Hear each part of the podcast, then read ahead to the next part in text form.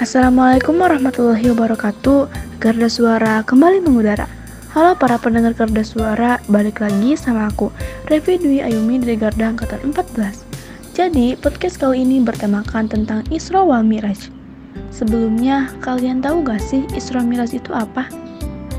Isra merupakan peristiwa perjalanan yang dilakukan oleh Nabi Muhammad SAW dari Masjidil Haram menuju Masjidil Aqsa.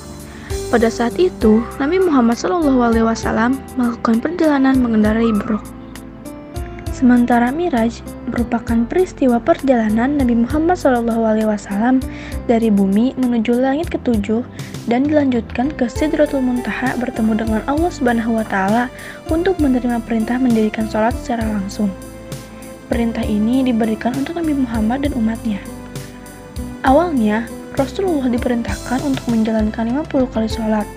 Namun, karena takut umatnya tak bisa menjalankan sholat sebanyak 50 waktu, Rasulullah meminta keringanan hingga hanya perlu menjalankan perintah sholat 5 waktu dalam sehari semalam.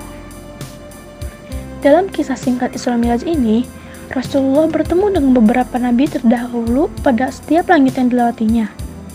Pada langit pertama, Rasulullah bertemu dengan nabi pertama, Nabi Adam alaihissalam.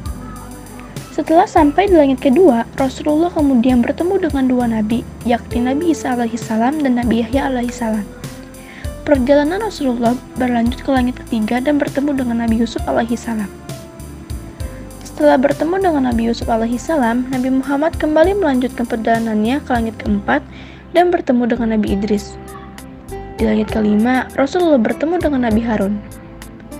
Jika sebelumnya pertemuan Nabi Muhammad SAW dengan para nabi terdahulu dipenuhi kebahagiaan, hal berbeda justru terlihat saat ia bertemu dengan Nabi Musa alaihissalam. Kesedihan Nabi Musa saat bertemu dengan Rasulullah terjadi pada langit ke-6. Nabi Musa menangis saat Nabi Muhammad hendak melanjutkan perjalanannya ke langit ke-7. Nabi Musa dikisahkan menangis karena melihat sosok Nabi Muhammad yang jauh lebih muda namun memiliki jumlah umat yang lebih banyak masuk surga dibandingkan dengan umatnya.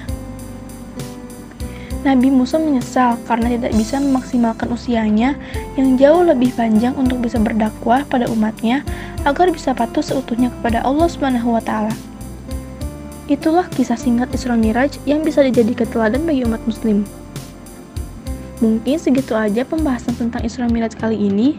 Terima kasih sudah mendengarkan podcast ini. Sampai jumpa di podcast Suara selanjutnya ya. Wassalamualaikum warahmatullahi wabarakatuh.